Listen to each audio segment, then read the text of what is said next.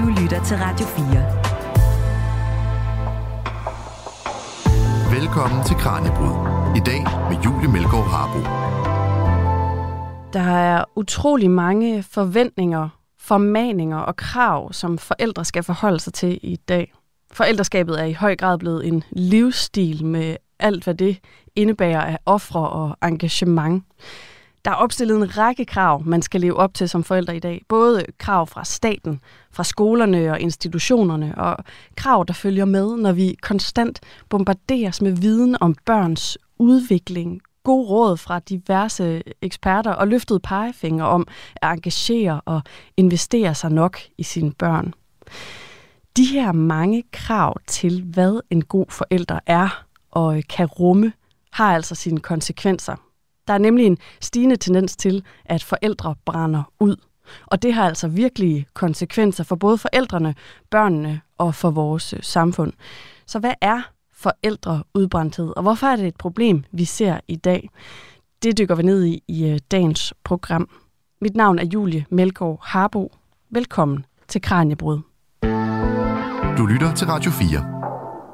Og i dagens program, der taler jeg med Maria Ørskov Axelvold, der er Ph.D. i familiesociologi og pædagogisk sociologi, og altså forfatter til en ny bog, Det grænseløse forældreskab, der altså også handler om det her, vi skal tale om i dag. Dejligt, du vil tale med mig, Maria. Tak for invitationen. Og det, vi skal tale om, som jeg sagde før, det er den her stigning af tilfælde med forældreudbrændthed, som vi ser i vores ende af verden. Og vi skal altså tale om, hvorfor det må være et stigende problem. Mm. Og derfor kunne jeg godt tænke mig at starte med at få et overblik over, hvad det er for nogle krav, der altså i højere grad stilles til forældre i dag, som, øh, som vi skal forstå for at forstå den her tendens. Så Maria, er der kommet flere krav og selvfølgeligheder i forældreskabet? Ja, altså et, et klokkeklart øh, ja til det spørgsmål. Det er jo øh, den diagnose, jeg stiller i min bog om det grænseløse forældreskab. Det er, at barn for det gode forældreskab og kravene og forventningerne er blevet øh, så høje, at du i princippet aldrig kan gøre det godt nok. Så man kan sige sådan meget altså, groft, at vi er jo gået fra en gang øh, at skulle sørge for omsorg og husly, og altså sørge for, vores, øh, vores afkom overlevede, øh, til at nærmest vide, hvad de tænker, og forstå, hvad de føler, og anerkende deres følelser, og hele tiden altså, have et øje på hver øh, finger. Og det er sådan særligt i, i løbet af de sidste 20 år, vil jeg sige, at den her udvikling er accelereret. Så, så dem, der er forældre i dag til små børn, de står altså i noget helt andet, end deres egen forældre gjorde, og deres bedste forældre. Og hvis vi, altså, hvis vi lige skal folde nogle af de her krav og de her selvfølgeligheder lidt mere ud, hvad er det så for nogle krav, som forældre i stigende grad øh, oplever at skulle forholde sig til i dag, som vi ikke så for bare 10 eller 20 år siden? Altså helt konkret, hvis man skal snakke om, hvad for nogle sådan opgaver, der er landet på forældrenes tallerken, så kan vi jo kigge på sådan noget som øh, forældresamarbejdet i dagtilbud og skole. Det synes jeg er sådan meget konkrete øh, eksempler øh, ud over den her kultur, vi også befinder os i, men det kan vi jo vende tilbage til. Men hvis vi, vi kigger på, øh, at altså engang så afleverede man sit barn i, i, institutionen, fordi det skulle passe, så man skulle på arbejde. Der var ikke så meget snak om, hvad lærer de derovre, og øh, hvordan udvikler de sig osv. Man, man tænkte på, har de det godt, mens jeg er væk, og er de i sikkerhed? Øh, Øh, I dag så skal børnene jo lære alt muligt i institutionen, øh, og forældre skal medvirke til det. Der er meget mere hjemmelæring på programmet, ting man skal gøre i hjemmet og følge med i og kommunikere med institutionen om. Og det fortsætter jo op i, i skolen. Altså en gang var skolen også et sted, hvor man sendte børnene over, og så var man sådan, som forældre stod man på sidelinjen og var minimalt involveret. Men i dag er der jo en helt anden konkret forventning til, at du er med på sidelinjen, følger med i en masse, altså i daglig informationsstrøm fra Aula, at du involverer dig i lektier, at du involverer dig i sociale aktiviteter. Og det, som jeg blandt andet har vist med min forskning, er jo, at det er blevet en, en ret omfattende opgave. Det er jo blevet til sådan en, et ekstra job, vi har, når, når vi har fri. Så det er sådan meget konkrete eksempler på, hvad der skal proppes ind i tiden, som vi har sammen med vores børn, ud over det, som vi også gerne bare selv vil lave med dem. Ikke? Og det her med, med Aula, hvor meget det fylder, og hvor meget det her skole-hjem-samarbejde det fylder, det skal vi altså også dykke lidt mere ned i ja. senere. Ja. Men nu nævnte du også her før, at der er altså sket ret meget i forhold til bare dengang øh, dem, der er forældre nu, siden dengang deres forældre var forældre. Så hvis vi skal holde kravene, der er i dag, op imod en anden forældregeneration, så kan vi jo tage 90'erne. Mm. Øh, hvad er der sket i forhold til, hvordan man opfattede den gode forældre? Altså øh, igen et meget konkret øh, billede på det, som jeg synes er meget øh, godt. De fleste kender øh, Alfons Åberg og Alfons Åbergs far. Det er sådan et godt eksempel på en, en tidligere forældregeneration. Altså Alfons Åbergs far, han, han er der. Han er der og er sammen med Alfons og snakker med ham, men han sidder også over i stolen, hvis du kan huske det, og, og ryger mm-hmm. piber og, og gemmer sig bag avisen og siger, at jeg kommer lige om lidt. Så han er, både sådan, han er både nærværende, men han er også fraværende. Og Alfons har sin egen verden og øh, finder på ting selv. Øh, mens i dag, hvis du kigger på også forældrefigurer i børnebøger, så afspejler det meget mere en forældre, som er med indenover, som er med i lejen, øh, som måske endda orkestrerer lejen og laver legeaftaler osv. Så, det er en helt anden form for involvering, hvor øh, vi ikke bare står og kigger på og er der, når der er behov, men hvor vi i højere grad træder til og i højere grad også øh, føler, at vi skal facilitere alle mulige former for udvikling. Altså det er som om, vi har fået en, en idé om, at der er ikke ret mange ting, der sker af sig selv, men at vi hele tiden skal, skal gøre noget. Det gælder for eksempel også lejen, altså noget, som før var, var børns domæne. Øh, kammeraterne, det er jo, er jo forældrene også indenover i dag. Det gælder sportsaktiviteter, fritidsaktiviteter. Øhm, så, så det har ændret sig, hvor meget, øh, og det kan vi jo også se i tidsundersøgelser, altså hvor meget aktiv fritid vi faktisk bruger sammen med vores børn. Vi bruger mere tid også på, på lektielæsning for eksempel, og vi bruger også flere penge på vores børn. Så børn er i højere grad end for 30 år siden for eksempel, eller 50 eller 20, de er i højere grad øh, centrum for familielivet. De er dem, det hele øh, roterer omkring. Øhm, og det, der er sket, er jo, at børneperspektivet øh, er blevet enormt sådan fremherskende, og det er, også, og det er rigtig, rigtig godt øh, for børn. Men der er samtidig sket det, og det er jo det, der interesserer mig som familiesociolog, og det, som, som jeg kigger på, det er jo forældreperspektivet. Det har haft en omkostning for forældre, når, når børneperspektivet er trådt så meget frem, så er voksenperspektivet på en måde trådt lidt i baggrunden, sådan at, de her krav har også fået lov at vokse, måske uden at vi er stoppet op og har sagt, mm, hvor går grænsen egentlig for, hvad jeg som forældre er nødt til at levere, for at mit barn kan udvikle sig normalt og have det godt. Og i forhold til de her krav, man også stiller til sig selv som forældre, i forhold til, hvor meget man skal være engageret, og hvordan, hvilken rolle spiller de sociale medier så i forhold til, hvordan forældreskabet det er udformet i dag?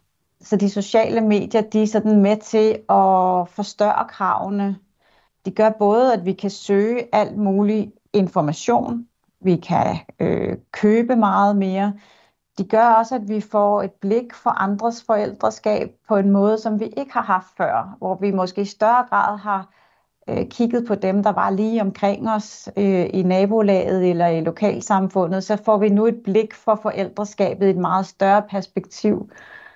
Og, og på den måde er de sociale medier med til at puffe til den her kæmpe, øh, altså det som jeg også kalder forældrekulturen, altså hvor vi jo dyrker hele forældreskabet som en, en livsstil, øh, hvor det bliver en form for identitet. Så det bliver noget, man kan simpelthen nærmest dyrke på, på fuld tid ved at følge influencer, ved at, at læse sig.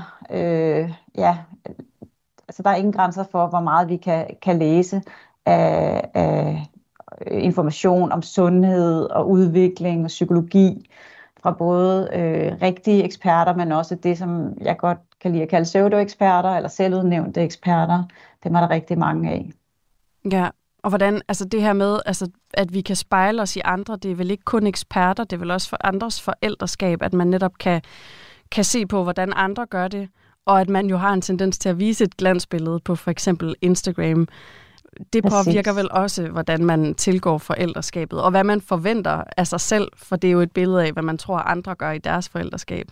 Lige præcis, og det er det, der sker især, da Facebook kommer, og så senere Instagram, det er, at vi får et, et, et, det her blik for, hvordan andre gør det, som jo uundgåeligt også øh, kommer til at blive rettet mod dig selv, og bliver et blik på dig selv, en sammenligning. Øh, det er i hvert fald meget svært at, at undgå, øh, netop fordi det bliver til en kultur, der omgiver os.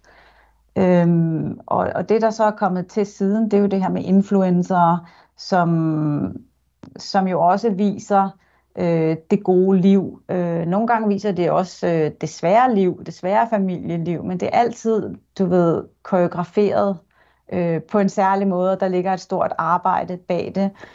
Øh, det, der sker, er også jo, at jo mere vi tager ind om forældreskabet, jo mere begynder det også at fylde ind i vores hoved, jo vigtigere øh, virker det på en eller anden måde. Det, øh, det er igen meget svært at lukke ørerne for, hvis man overhovedet er på sociale medier, og man er en, en forælder, så er jeg ret sikker på, at der kommer alle mulige ting i ens feed.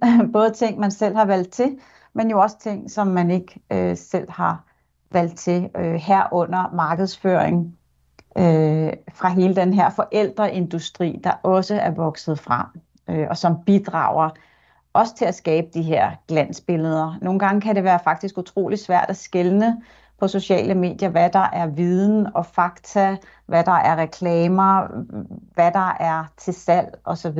Øh, det bliver sådan meget flydende grænser, øh, og vi scroller hurtigt. Det, det er svært for os at vurdere øh, den her jungle hvad der er sandt og falsk. Ja, for der er vel også meget, meget positivt ved, at vi nemmere kan tilgå viden om, øh, om opdragelse, om børnepsykologi i dag. Men problemet er så, som du siger her, at vi ikke ved, hvad øh, lige den ekspert forsøger også at sælge os. Ja. Og at det altid er børneperspektivet, der bliver solgt. Det er aldrig øh, ligesom et, et helhedsbillede, hvor man også har regnet forældrenes ved og vel ind.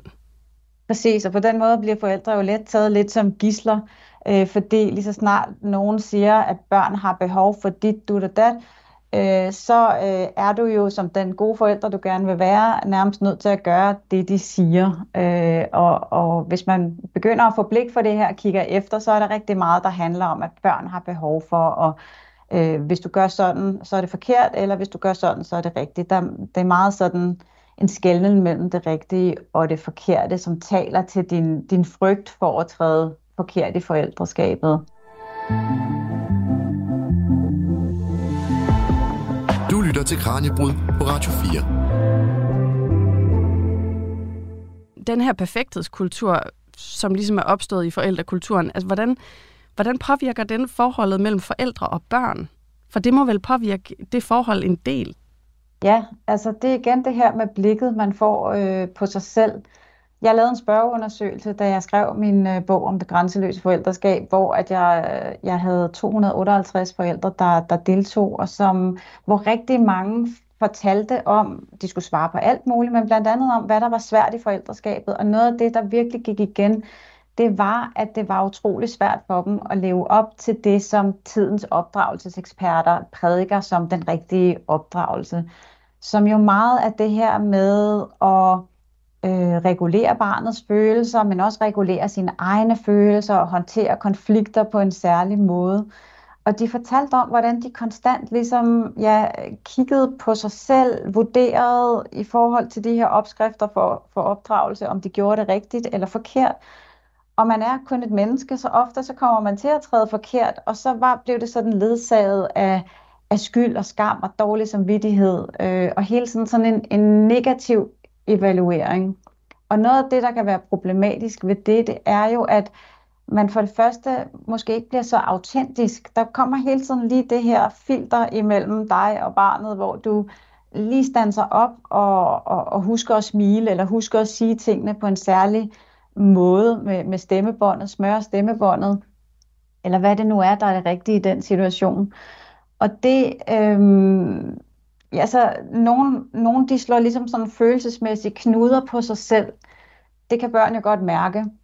Øh, og når den her autenticitet forsvinder, så sker der noget mellem relationen øh, imellem barnet og forældrene. Der er også noget med spontaniteten, der sådan ryger, når man hele tiden er i gang med at vurdere, om det her er er rigtigt eller forkert. Men, men igen, jeg er optaget af voksenperspektivet, og jeg er optaget af, at det faktisk er pænt anstrengende for mange forældre at skulle hele tiden øh, monitorere sig selv. Øh, og øh, jeg, har, jeg viser også i bogen, hvordan det er noget, der har, man ved fra den psykologiske forskning, det har store omkostninger for forældre at udføre de her følelsesmæssige knuder på sig selv, øh, og hele tiden prøve at være øh, positiv og anerkendende. Øh, der er øh, sammenhæng mellem stress og angst, øh, depression, forældreudbrændthed, og så det, at man hele tiden er på duberne for at undgå at begå fejl. Nej, og man kan også hurtigt i det der forældreskab. Jeg har selv en meget viljestærk treårig. Øh, mm. Man kan meget hurtigt føle andres blikke, når man står nede i, øh, i dagligvarerbutikken, og ens barn har sådan et total hysterisk anfald, og man ja. ikke selv ved, hvordan man skal som forældre. Fordi skal man så Præcis. begynde at blive streng og skælde ud, og nu, og nu stopper vi, eller skal ja. man tage den blide stemme på? Og det kan være svært at mærke sig selv i det der, og svært at Præcis. mærke, hvad det er, man egentlig synes er det rigtige, fordi ja. man har mange stemmer, der taler. Det er det, og det er et rigtig godt eksempel på, hvordan at man netop begynder at svede ekstra meget i armhulerne, når du står dernede i køen, øh, på en anden måde, end du ville have gjort, hvis du var derhjemme, fordi der har du det der, der har du blikket udefra, Øhm, og det er jo også noget, som sociologer har peget på, hvordan det er blevet vigtigere for os i dag at blive anerkendt af andre som gode forældre, at andre ser på os som gode forældre, og at vores øhm, at vi selv føler os som gode forældre. De to ting hænger sammen. Øh, så, så det er jo interessant, at vi nogle gange vil gå så langt øh, for at få den her anerkendelse og føle os som gode forældre, at vi, at vi vil øh, slå knuder på os selv. Og nu skal vi altså dykke lidt mere ned i det her med, hvilken rolle staten spiller i forhold til de her forventninger og de her krav, der stilles til forældre i dag. Det her er Kranjebrud på Radio 4. Og Maria, du har jo forsket i skole-hjem-samarbejdet. Hvad, vi har lige talt lidt om det, men hvad er det, der kendetegner det her skole-hjem-samarbejde, som det ser ud i dag?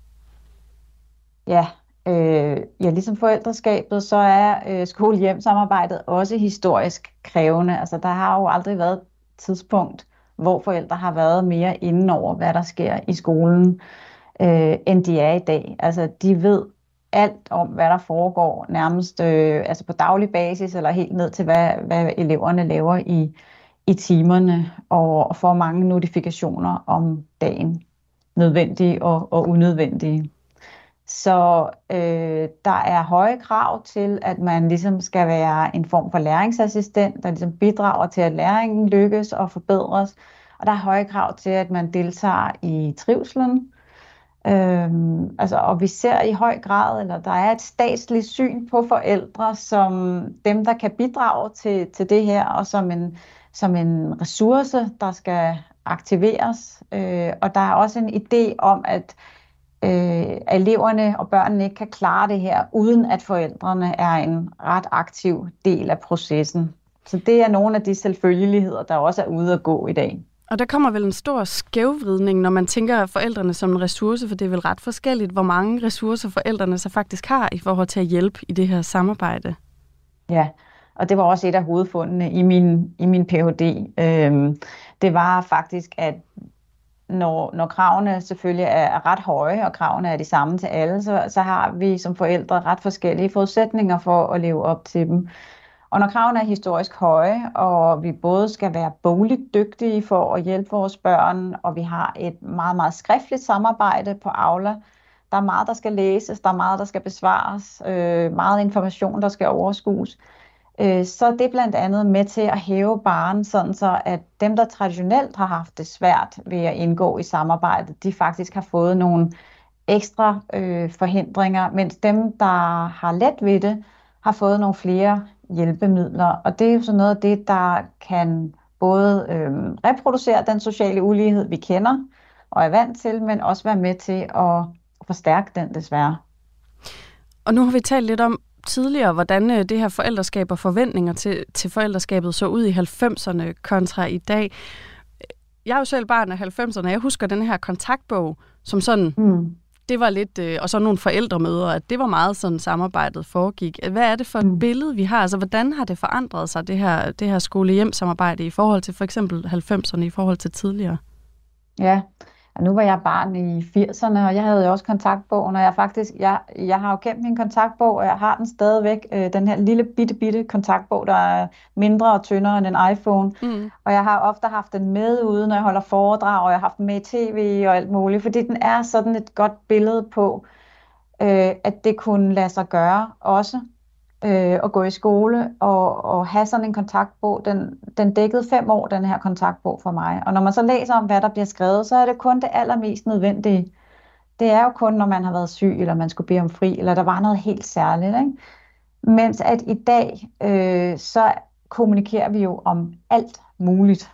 Øh, og øh, altså skolen informerer om ja, så alt, hvad der foregår fagligt, men også om det sociale, og nogle gange ved forældrene nærmest, hvad der er sket i, i frikvartererne. Og det er jo noget af det, der har gjort også, at som er med til at skabe det her grænseløse forældreskab. Det er, en, det er et af bidragene ind i det, at vi har skolen så tæt på, at den hele tiden nu med telefonen er lige nede i lommen på os. Øh, Øh, vi har den med på arbejde nærmest. Øh, jeg kan huske, at jeg har jo siddet nogle gange, og så har jeg fået øh, beskeder på forældreintra, som det hed dengang, om at min søn ikke var kommet ind øh, fra frikvarteret til tiden. Og så tænkte jeg, hvad, er han, er han løbet væk fra skolen, eller hvad der sket? Men så havde han bare hygget sig øh, nede i skolegården. Øh, men det er et godt eksempel på, hvordan øh, du så har det tæt på dig hele tiden, og, og ikke kan holde fri fra forældreskabet, selv når du er på arbejde. Øhm, og det er ikke kun godt. Nej, for hvordan påvirker det her? Jeg kunne egentlig godt tænke mig at tale om både, hvordan det påvirker forældre og børn, og så lærere mm. og pædagoger, der skal, der skal leve i det her samarbejde også i deres, i deres arbejdsliv hver dag.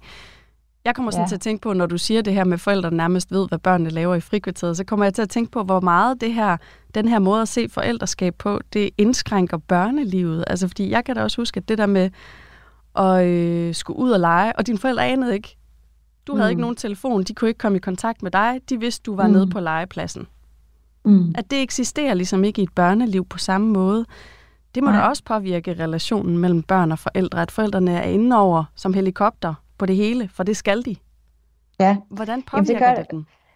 Ja, det, og det er, er et godt spørgsmål. Jeg, nu kan jeg ikke sige præcis så meget om, hvordan det påvirker børnene, men det gør jo i hvert fald, at det, altså, vi har fået en meget mere voksenstyret barndom, og de er, er langt mere gennemlyste, end de var tidligere. Som du selv siger, at før så vidste man ikke, altså så, så kunne man lave ting som ens forældre, de anede ikke, hvor man var henne. Øh, det er jo sjældent tilfældet i dag, hvor vi bare kan kigge på telefonen, eller øh, hvor vi sender sms'er hele tiden som også er sådan et spejl på, at vi er blevet enormt sådan risikobevidste og hele tiden skal foregribe, at der sker et eller andet. Det er igen den her frygt for, at der er ting, der, der går galt. Øhm, og, men for forældrene, spurgte du, hvad det betød for forældrene, mm. der betyder det her jo bare, altså det jeg har vist i min forskning er, at det er et omfattende arbejde for forældrene. Både sådan, det er noget, vi har op i hovedet hele tiden, men der er også et arbejde, der skal udføres så bliver det også en ekstra opgave, man nogle gange får, når man så skal snakke om det der, der skete i, i frikvarteret, øh, og man lige har fået besked på, eller man skal snakke om noget andet. Man bliver indsat, altså der er igen noget, der bliver indsat i forældreskabet, som ikke var der før, øh, og som fjerner noget af den frihed, du havde før til selv at bestemme, hvad du ville med din tid. Øh, Øh, nogle gange øh, ved jeg, at forældre også føler, at al informationen på Aula har fritaget øh, børnene, eller frataget dem noget af deres øh, ansvar og selvstændighed, øh, og som så giver forældrene en ekstra opgave med sådan at give det tilbage til børnene igen. Så det er også noget nyt, der er kommet. Det er ligesom, at vi skal tilbage til noget, hvor børnene selv har ansvar igen for skolen. Og der har vi jo den her snak, der indimellem kommer op, jamen skal vi så genindføre kontaktbogen, skal vi genindføre lektiebogen, fordi mange børn ved jo godt i dag, at informationen er på Aula, og de kan spørge mor og far, og mor og far har jo også fået opgaven med at administrere skoleskemaet for barnet. Det skoleskema, som du sikkert også øh, havde, som hang et eller andet sted, som du kiggede på, mm. det findes jo ikke rigtig længere, men det ligger inde på Aula et sted, eller det eksisterer måske i større grad i form af en, en ugeplan, der jo også ændrer sig fra uge til uge. Det her er Kranjebrud på Radio 4. Hvordan påvirker det de professionelle, der altså skal operere i det her skole-hjem-samarbejde, lærerne og pædagogerne, der mm. har en ret stor opgave på den her platform? Hvordan påvirker det deres, øh, deres trivsel og arbejdsliv? Ja, så noget af det, vi har øh, læst om her i det seneste års tid, har jeg lagt mærke til, at der er jo flere og flere historier om lærere, der fortæller om, hvordan de også er presset af, at forældrene skriver meget til dem, og hvordan det også fylder meget i deres arbejde. Øhm, I min forskning så jeg, at lærerne var optaget af at, inform- at holde informationen på lige præcis det rigtige punkt, der hvor de ikke fik for mange spørgsmål fra forældrene, men samtidig informerede nok øh, til, at de også var tilfredse. Øh, det var sådan en meget svær øh, balancegang, de skulle holde gående der. Og øh, det, som der er sket, er jo, at man over en lang årrække, siden starten af nullerne egentlig, har vendet forældrene til, at de skulle informere sig øh, Øh, på forældreintra senere Aula, at, de, at det er godt at være involveret i skolen. Og, og nu ser vi så, at det gør de. og de har endda, de er endda begyndt at skrive mere til skolen, og også henvende sig den anden vej. Og det er der mange, der virker meget overrasket over, så siger de, ah, det er forældrene, der er problemet. Øh, det er dem, der skriver mest til skolen. Og der, der, der skal vi bare lige huske det her historiske perspektiv, at i mange år, så var der en sådan klar politisk ambition om at øge forældreansvaret, om at indføre digital kommunikation. Så skulle man opdrage forældrene til det, og det har man så gjort. Øh, men man har glemt at lave nogle spilleregler derinde for, hvordan vi bruger øh, platformen på en god måde. Og derfor står vi nu øh, med to lejre, hvor begge lejre synes, at den anden lejr øh, informerer alt for meget, og hvor der opstår konflikter og alt muligt andet øh, bøvl, som aldrig nogensinde var hensigten med den digitale kommunikation.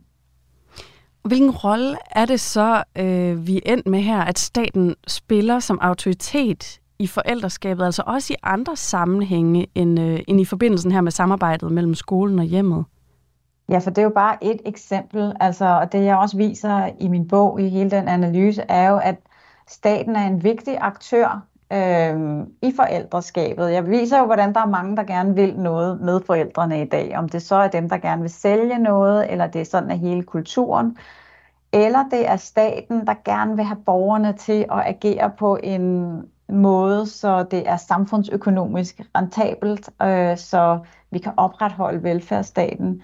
Og der kan man se en bevægelse også, øh, også især i de sidste 20 år, øh, hvor at øh, man kan sige, sundhedsplejen kommer også med nogle nye råd, der er nye måder at nudge forældrene til at gøre ting på rigtige måder.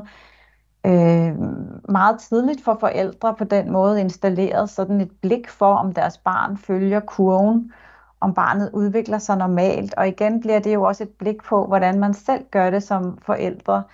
Så det starter faktisk ret tidligt der, ikke? Og, det, og det holdes ved lige, når ens børn kommer i institution, hvor pædagogerne jo også er blevet meget mere sådan opdragende instanser øh, og fortæller, hvordan man gør tingene derhjemme, og hvad gode læringsaktiviteter er osv. Øh, så på den måde spiller staten en, altså en kæmpe rolle i forældreskabet ved øh, nogle gange at øh, indføre nogle indsatser, som jo også er en blåstempling af, af en særlig form for forældreskab. Altså det, som sociologerne siden 90'erne har snakket om som øh, på engelsk intensive parenting, eller det intensive forældreskab, det er jo i virkeligheden også det forældreskab, som man tager afsæt i, og som man idealiserer med mange af de her indsatser. Vi ved også, at det i høj grad sådan er, er middelklassen, så de ressourcestærkes forældreskab, det her intensive parenting. Og på den måde spiller det jo sammen med den her sociale ulighed, som vi snakkede om lige før, hvor man tager afsæt i noget, der faktisk også kalder på nogle ressourcer, som jo så er, er ulige fordelt. Men der er også sket noget, altså noget andet, når du nu spørger om, hvilken rolle staten spiller. Det er, at politikerne er begyndt at interessere sig meget mere for øh, forældreskab og opdragelse. Og det er også øh, noget, jeg har observeret i, ja, i hvert fald de sidste 10 år, synes jeg, det er taget til, med hvor sådan politikere går ud decideret og løfter den moralske pegefinger og siger, hvad forældre bør gøre. Øh, jeg har et eksempel i bogen, hvor Pernille rosenkrantz teil da hun er undervisningsminister for eksempel siger, at man, man bør tage til forældrefester, øh, fordi det er vigtigt øh, for at undgå mobning osv., og, og det er ligesom det, er, hvad gode forældre skal gøre. Og et helt aktuelt eksempel, det er jo Kåre Dybvad Bæk med, med det her med, altså, hvem er de rigtige og de gode forældre. Ikke? Der er sådan en kamp, som politikerne øh, er blevet en del af. Øh, og det er ikke ligegyldigt, altså det er ikke ligegyldigt, når de kommer med de her udmeldinger, fordi det er både blåstemplinger, men det er også øh, det er noget, der er med til at forme et ideal, og noget, som er med til at forme det her blik, man har på sig selv.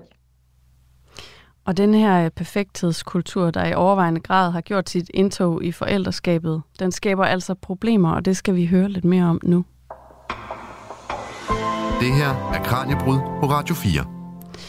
I forældrenes stræben efter at gøre tingene rigtigt og møde børnene med følelsesmæssigt overskud og for alt i verden undgå at skælde ud og altid holde sig orienteret og engageret, både i virkeligheden og på diverse platforme, ja, så risikerer vi altså, at flere forældre de brænder ud i denne her stræben efter at være så perfekt som muligt. Og som børne- og unge psykolog Marie Tolstrup fortæller, så mener hun altså ikke, at det er et stort problem, hvis forældrene en gang imellem viser, at de altså ikke er perfekte. Nej, det tænker jeg faktisk ikke, det er. Jeg tænker, at det faktisk kan være rigtig vigtigt at vise som forældre, at vi alle sammen rummer mange forskellige sider, at vi også har forskellige temperamenter, og at vi egentlig reagerer på forskellige måder afhængig af, ja, hvordan blandt andet vores børn opfører sig. Øhm, men der hersker jo denne her sådan fortælling eller idé om, at øh, det er noget, børn kan tage skade af, hvis man netop kommer til at råbe, eller hvis man kommer til at hæve sin stemme, eller ikke at lige kunne sætte sig ned og sætte sig ind i, hvordan øh, den lille har det i et svært øjeblik. Men det er faktisk ikke det, som forskningen viser, og mest af alt kan det jo gøre, at man som forældre også bliver enormt presset, og ikke kommer til at fremstå på den måde, man ønsker at fremstå. Altså ikke at være så autentisk i sit forældreskab, fordi at man føler, at man skal regulere sig selv, for at kunne hjælpe med at regulere sine børn, for at kunne opføre sig på den i gåsøjne rigtige måde. Men man skal vel ikke råbe og skille ud hele tiden? Nej, det vil da være en rigtig dårlig idé at gøre det. Men man kan sige, at, at her tager jeg udgangspunkt i, at størstedelen af de forældre, øh, vi møder, det er jo meget fornuftige forældre, og der er jo mange forskellige måder at være en god forælder på. Og, og der kommer et temperament jo også ind i billedet, men jeg vil sige, at det, som vi typisk hører, det er, at forældre føler sig presset over, at de har råbt en gang, og så har de en dårlig samvittighed, der sidder i sig i lidt for lang tid, og hvor at de måske så kommer til på bagkant at være alt for overbærende og undskyldende og, og egentlig igen ikke autentiske i forhold til at forsøge at reparere på det. Hvis man kommer til at råbe, og det har været for meget, så bliver man jo en god kammerat, var jeg lige vil sige, ved at lære dem også, undskyld, der gik jeg simpelthen for vidt, men nu skal du høre, jeg vil ikke have, at du gør det her. At man er tydelig, kort og præcis, men helt klart også husker på, at forældre er autoriteten i et altså familieskab. Øh, der er en skævhed, og der skal være en skævhed mellem at være dem, der bestemmer, dem, der har pengene, dem, der i sidste ende af dagen får tingene til at ske, og så være et barn, som ikke har de samme muligheder for at kunne få sat deres mening igennem, når det virkelig gælder. Altså, hvad er egentlig afgørende for, hvordan et barn klarer sig og trives? Er det i særdeleshed, hvordan forældrene varetager deres forældreskab på? det er der jo mange, der er begyndt at tro. Altså det er jo lidt det, vi kalder, øh, eller som bliver kaldt forældredeterminisme. Det her med, at forældre er altafgørende for, at ens barn klarer sig godt her i livet. Og, og det passer jo faktisk ikke. Altså der er jo mange faktorer, som er afgørende for, hvordan man klarer det og hvordan man har det. Der er selvfølgelig den genetiske faktor, altså det vi tager med os ind i livet fra det første gang, vi ligesom kommer til verden. Så er der alt det omkring os, altså på den måde er det jo, man taler om arv og miljø. Og forældrene er jo selvfølgelig både en del af arven over miljøet, men der er også mange andre mennesker i miljøet. Der er de sociale fællesskaber, der er lærere, der er pædagoger, der er øh, familiemedlemmer, der er mange forskellige ting, som ligesom gør, at man bliver klædt på på alle mulige måder. Så det at sige, at en dårlige forældre alene kan gøre, at man ikke har det godt her i livet. Det er klart, det er en risikofaktor, hvis man har nogle forældre, der ikke er ordentlige forældre. Og hvis det er rigtig dårlige forældre, så er det en stor en af slagsen. Men tager man udgangspunkt i, at man er nogle ordentlige, omsorgsfulde forældre, der en gang imellem bliver vrede og irriteret, som er en helt normal del af livet, så er det altså bestemt ikke noget, hvor at man skal regne med, at det gør, at ens barn ikke kommer til at få det godt. Du brugte tidligere ordet at være en autentisk forældre. Altså, hvad ja. sker der, når forældrene er så optaget af at være gode og anerkendende osv., at de ikke har den autenticitet? Er det et problem? Jeg tænker, at det må være enormt udmattende. Altså, og at man på et tidspunkt må nå frem til at, at, at skrige ind i en pude, hvis man hele tiden skal rende rundt og være en anden end den, man er. Fordi at man at har fået, hvad kan man sige, fået forståelsen af, at hvis man ikke hele tiden er anerkendende, eller hvis man ikke er anerkendende 80% af tiden, eller 60% af tiden, så går det ud over barnets ved og vel. Det må da være enormt udmattende, og mest af alt bliver det igen noget, hvor et barn jo godt vil kunne mærke, at nu står mor og smiler og taler sødt og pænt til dig, men inde bagved, der er der en rasende vrede, eller det samme i forhold til far. Altså det, det er jo det her med at vise, at vi har alle mulige forskellige slags følelser, fordi det er jo også det her med, at de negative følelser, altså vrede og irritation og skam og skyld og alt det her, kedattighed også, at, at de faktisk har fået et dårligt ry. At, at det er som om, det gælder om at hele tiden have det rart og godt, og vi skal helst øh, runde dagen af på en måde, hvor man lige taler om lidt solskin og lidt strand og, og lidt øh, dejligt, der, der gør, at man får et smil på læben. Og det er da rigtig godt, hvis man kan gøre det, men det er jo vigtigt også at kunne være i, når det er svært og kunne sige, pyt, det skal nok gå, og også bare kunne lytte til noget svært, ens børn fortæller, uden at man behøver at problemløse for dem, men at man bare ligesom siger, det var da svært, det kan jeg godt forstå, punktum. Fordi det er faktisk også en del det at kunne regulere svære følelser, der gør, at man kan navigere i livet, når det ikke lige går, som vi godt vil have det. Og forældrekampen der, den kan være så hård, at det lige fremfører til forældreudbrændthed. Er det et stort problem for børn, når deres forældre oplever at kæmpe med forældreudbrændthed? Altså det er jo noget af det, vi forsøger at afdække øh, lige nu i vores kæreprojekt i forhold til, er der forældreudbrændthed i Danmark? Det er jo lidt det, vi mistænker, der er. Og i hvor høj grad er det? Fordi vi kan se, når vi sammenligner med andre lande, at det er jo selvfølgelig noget, der gør, at man går som forældre og har det ikke særlig rart, at man er på overarbejde i sit forældreskab. Men de fleste forældre vil jo gå meget, meget langt for at tilsidesætte sig selv at sætte sit barn først. Og derfor er det ikke nødvendigvis noget, som vil gå ud over forældreskabet i den forstand. Det er jo det, vi bliver lidt nysgerrige på. Vi tænker, at det er jo noget, der vil gå ud over den individuelle forælder, der oplever udbrændthed. Øhm, og det er jo også lidt det her med igen, vi vil jo gerne lidt tilbage til, jamen, ligesom i den gode gamle flyver, jamen du tager selv iltmasken på først, for så kan du bedst hjælpe dit barn. Så hvordan støtter vi forældre i at passe på sig selv og varetage egne interesser, uden at have dårlig samvittighed, øhm, men også at have lov at nyde nogle gange, bare ikke at være i forældrerollen, eller når man er i forældrerollen, at det går galt, og det faktisk også er okay, at vi egentlig får en lidt større pytknap, når det kommer til forældreskabet. Det tror jeg kunne være en stor hjælp for mange.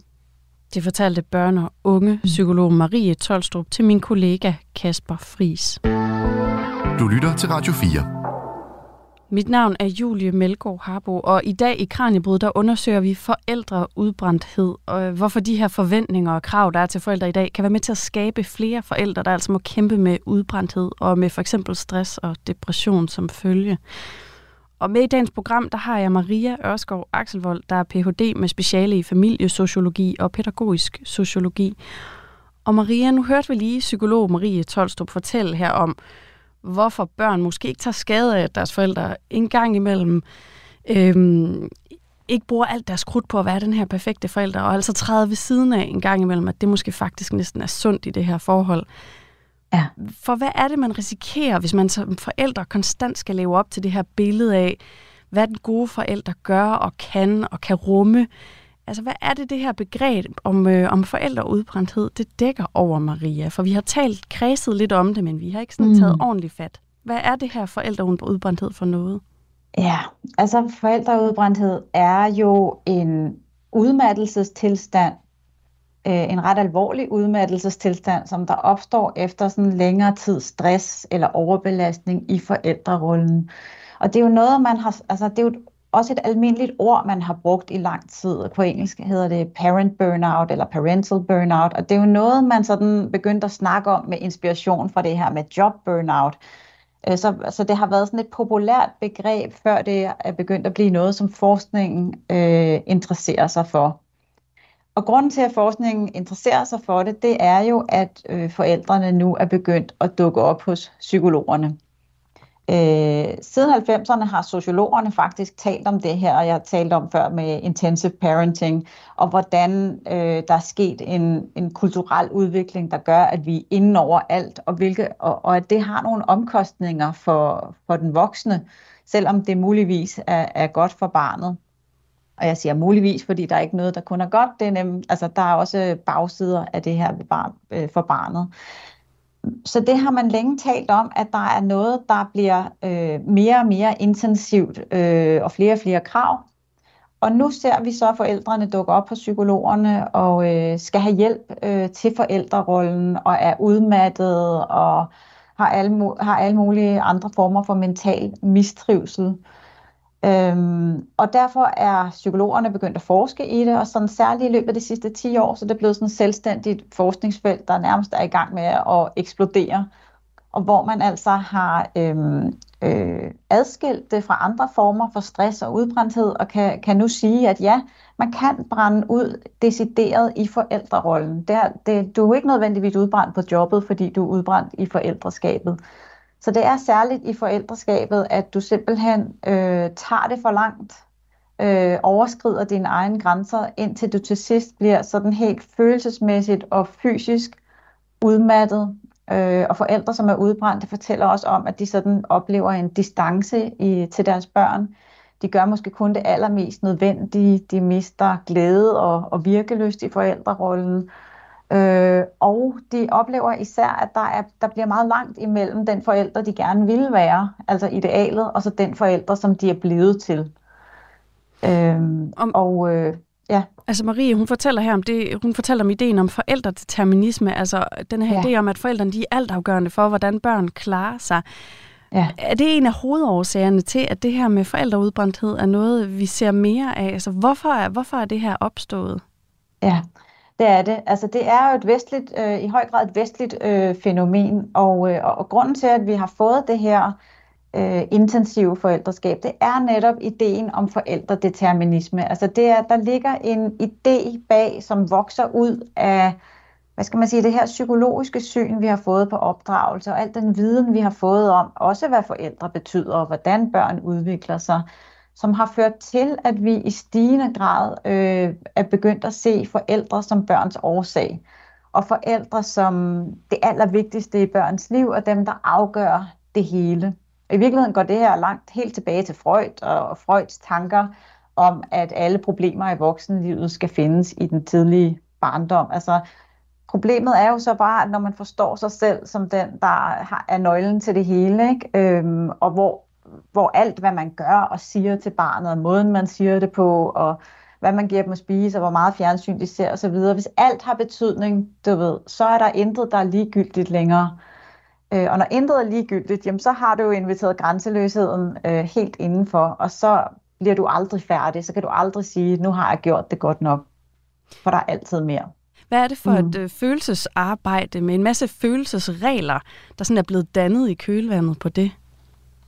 I forbindelse med, at, at udviklingspsykologien får vind i sejlene, og vi forstår meget mere om børns behov og udviklingsstadier osv., at, øhm, at vi sådan forstår det følelsesmæssige, og der kommer meget fokus på det følelsesmæssige, og opdragelsen bliver meget sådan psykologiseret.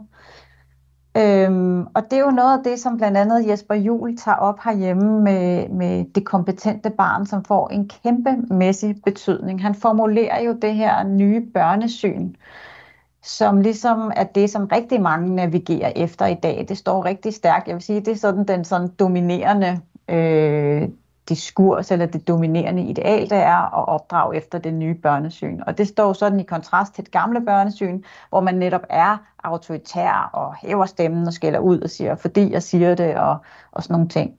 Så det bliver meget sådan en modsætning mellem det gamle og det nye. Og i det nye børnesyn, det er også det, man på engelsk kalder positive parenting. Altså det er meget det her med at være et positivt forbillede og anerkende børn. Øhm, de negative følelser, som Marie også lige sagde, kommer, kommer lidt i baggrunden og lidt i skammekrogen, og man skal, man skal ligesom man skal udvise positive følelser. Så når du får en negativ følelse, så må du ligesom finde en anden måde at udtrykke den på. Ikke? Du skal få den her konflikt til at forløbe på en måde, så, så vi ender et følelsesmæssigt godt sted. Og det er øh, bare enormt krævende. Hvilken konsekvens har det, at man ikke føler, at man kan blive vred eller hæve stemmen, eller blive ked af det og græde? Altså at man ikke kan have følelsesudbrud i familien, uden at det har en eller anden konsekvens? Hvad, hvad medfører det ligesom for forældrene? Det, det, det ser ud til, og, og det gælder og det gælder jo desværre især mødre. Det er især mødre, der optræder i de her statistikker, hvor vi kan se, at øh, det påvirker den mentale øh, trivsel. Altså, så det virker jo som noget, man sådan går og, øh, og, og bottle up, som man siger på engelsk, altså at man ligesom har det inde i sig, og så pludselig så skal man skrige, nu sagde Marie, skrige ind i puden, og jeg sagde skrige ind i et skab, men altså der bliver noget, som til sidst, så kommer det bare ud, og så kommer man jo til alligevel at skælde ud, og måske kommer det bare ud med, med dobbelt kraft, ikke? og så bliver man ekstra skamfuld. Men det er jo det her vedvarende arbejde, man gør inde i sig selv, det her indre følelsesarbejde, som trækker tænder ud. Altså, det, det er ikke gratis at gå og gøre det, øh, og især ikke, når det sådan skal foregå nærmest hele tiden. Øh, så det er sådan omkostningen, og, og så kan jeg egentlig godt forstå, at man til sidst mister glæden i forældrerollen. Øh, her til allersidst, Maria, så kunne jeg godt tænke mig at spørge ind til, hvad man så faktisk kan gøre som forældre, kan gøre og sige til sig selv, hvis man gerne vil undgå øh, at ende med at blive udbrændt i sit forældreskab. Altså, hvordan kan man sætte nogle grænser i forhold til, hvad man kan holde til her, og i forhold til alle de her krav, der jo kommer udefra? Hvad kan man ja. faktisk stille op med det her som forældre?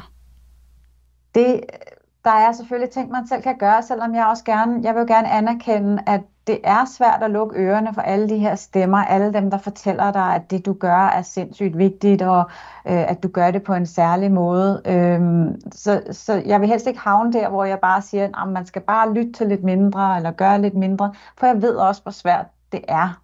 Men jeg tror, at det første skridt, det er det her med at blive klar over, at den der forældredeterminisme, den faktisk er en myte, og som Marie hun også lige sagde, der er så mange andre faktorer, der spiller ind, så forskningen kan jo faktisk ikke påvise, at forældrene er de vigtigste. Altså vi kan ikke påvise den her forældreeffekt. Så det synes jeg, at det må være sådan den største sådan frigørende øh, lettelse, man kan tage med sig. Det er, hvis man ved, ja, jeg er vigtig, øh, selvfølgelig er jeg vigtig, men jeg kan ikke kontrollere alt, hvad der sker i mit barns liv, og det skal jeg heller ikke. Øh, problemet er jo også, når man begynder at, at, at prøve det, så får det også nogle negative effekter. Man tager selvstændighed fra, fra barnet, eller der er visse ting, børnene ikke lærer, når vi ligesom skal være inde over det hele. Øhm, så man skal huske, at man ikke er afgørende. Øh, man kan begynde at sætte nogle grænser, fordi der er selvfølgelig ting, vi kan gøre selv. Og tilbage til det her med sociale medier. Øh, man kan jo skrue ned for, hvor mange influencer man følger, hvis man overhovedet synes, at man har brug for at følge øh, nogen. Man kan også nogle gange være lidt kritisk til, når nogen ligesom udråber sig selv til en ekspert, eller øh, har skrevet en opdragelsesbog. Jamen, hvad er deres grundlag for at have skrevet det her, eller for at sige det her? Øh, hvad, hvad støtter de sig op af? Øh, og være lidt mere kritisk til, om de egentlig ved det bedre, end du selv gør. Øh, det er som om, der er en tendens til, at hvis det kommer udefra af nogen, der har været i fjernsynet eller i radioen, øh, øh, så må det være mere rigtigt, eller så skal jeg i hvert fald lige overveje det. Og jeg ved, der er mange forældre, der føler, at de har mistet deres mavefornemmelse, øh, så de nytter ikke altid bare at sige, at du skal bare mærke efter, hvad der føles rigtigt. Jeg tror, man kan begynde at mærke efter, når man skærer lidt flere af de her eksperter ud, og når man måske begynder at købe lidt mindre af alt det, der er til salg, Øh, jeg kan også godt lide at fortælle forældre, at der jo ikke er forskning egentlig, der understøtter, at hverken forældrefester eller legegrupper eller alle de her øh, arrangementer, som vi jo også bruger rigtig meget krudt og overskud på, øh, der er ikke noget, der, der beviser, at det skaber et bedre fællesskab eller mindre mobning eller virker. Det betyder ikke, at det ikke kan være hyggeligt, øh, eller man ikke skal gøre det, men man skal bare vide, at man er også fri til at lade være, og det skal nok gå alligevel. Øh, så man skal selvfølgelig finde modet til at, at sige nej lidt mere måske, øh, og, og vide, at man har ret til at sætte grænser for forældrerollen. og så synes jeg, man skal huske på, at man, altså den her generation af forældre i dag, er måske historiens bedste forældre nogensinde. Jeg tror ikke, at der findes øh, børn øh, som dem i Danmark, altså som, som historisk set i hele menneskehedens øh, historie har haft det bedre. Altså vi glemmer lidt i jagten på hele tiden at gøre det næste og finde fejl og frygten for at træde forkert, så glemmer vi, at vi faktisk er utrolig gode forældre, sådan generelt set. Det er de fleste forældre. Og, og derfor kan vi også med god samvittighed skrue lidt ned. Øh, og vi må også godt tænke på os selv, at vi skal også have det godt som, som voksne. Og he, altså hele familien er jo en, en enhed. Og det kan jo ikke nytte noget, at forældrene øh, render rundt og er stressede og slår knuder på sig selv og, og ender med sådan at, at nærmest brænde ud. Øh, det er der ikke nogen, der har, der har gavn af. Så jeg tror, jeg lader det være de sidste ord for i dag, Maria. Mange tak, fordi du har lyst ja. til at tale med mig. Ja, tak fordi du har lyst til at tale med mig. jeg har talt med Maria ja. Ørskov Axelvold, der er Ph.D. i familiesociologi og pædagogisk sociologi, og altså forfatter til den nye bog, Det grænseløse forældreskab, der handler om det her, vi har, handler om det her, vi har talt om i dag, om øh, om det grænseløse forældreskab. Hvis man er interesseret i at dykke dybere ned i det her, så er den altså på hylderne nu. Programmet er produceret af Videnslyd for Radio 4. Mit navn er Julie Melgaard Harbo. Tak fordi du lyttede med. Du har fået til job at synge kor for ABBA. Jamen, jeg var ikke simpelthen klar over, hvor sindssygt det egentlig var. Det var jeg jo ikke. Jeg var jo bare ni år og glad i låget. Musik er en hurtig genvej ind bag facaden. Jeg følte jo, at alle de sange var til mig. Ind bag den offentlige person. Jeg kiggede ind i et mørke. Det er jo der, jeg skal hen. Det er jo der, alt trøst er. I Portrætalbum bruger Anders Bøtter musikken til at vise nye sider af sine gæster. Carmen Køllers uh, Axel Byvang, har han en playliste? jeg ved ikke, om jeg tør sige det. Det er så pinligt. Blandt andet Backstreet Boys. Lyt til Portrætalbum i Radio 4's app, eller der, hvor du lytter til podcast. Radio 4. Hold kæft, mand. Det tror Ulla Terkelsen ikke, det der. Ikke så forudsigeligt.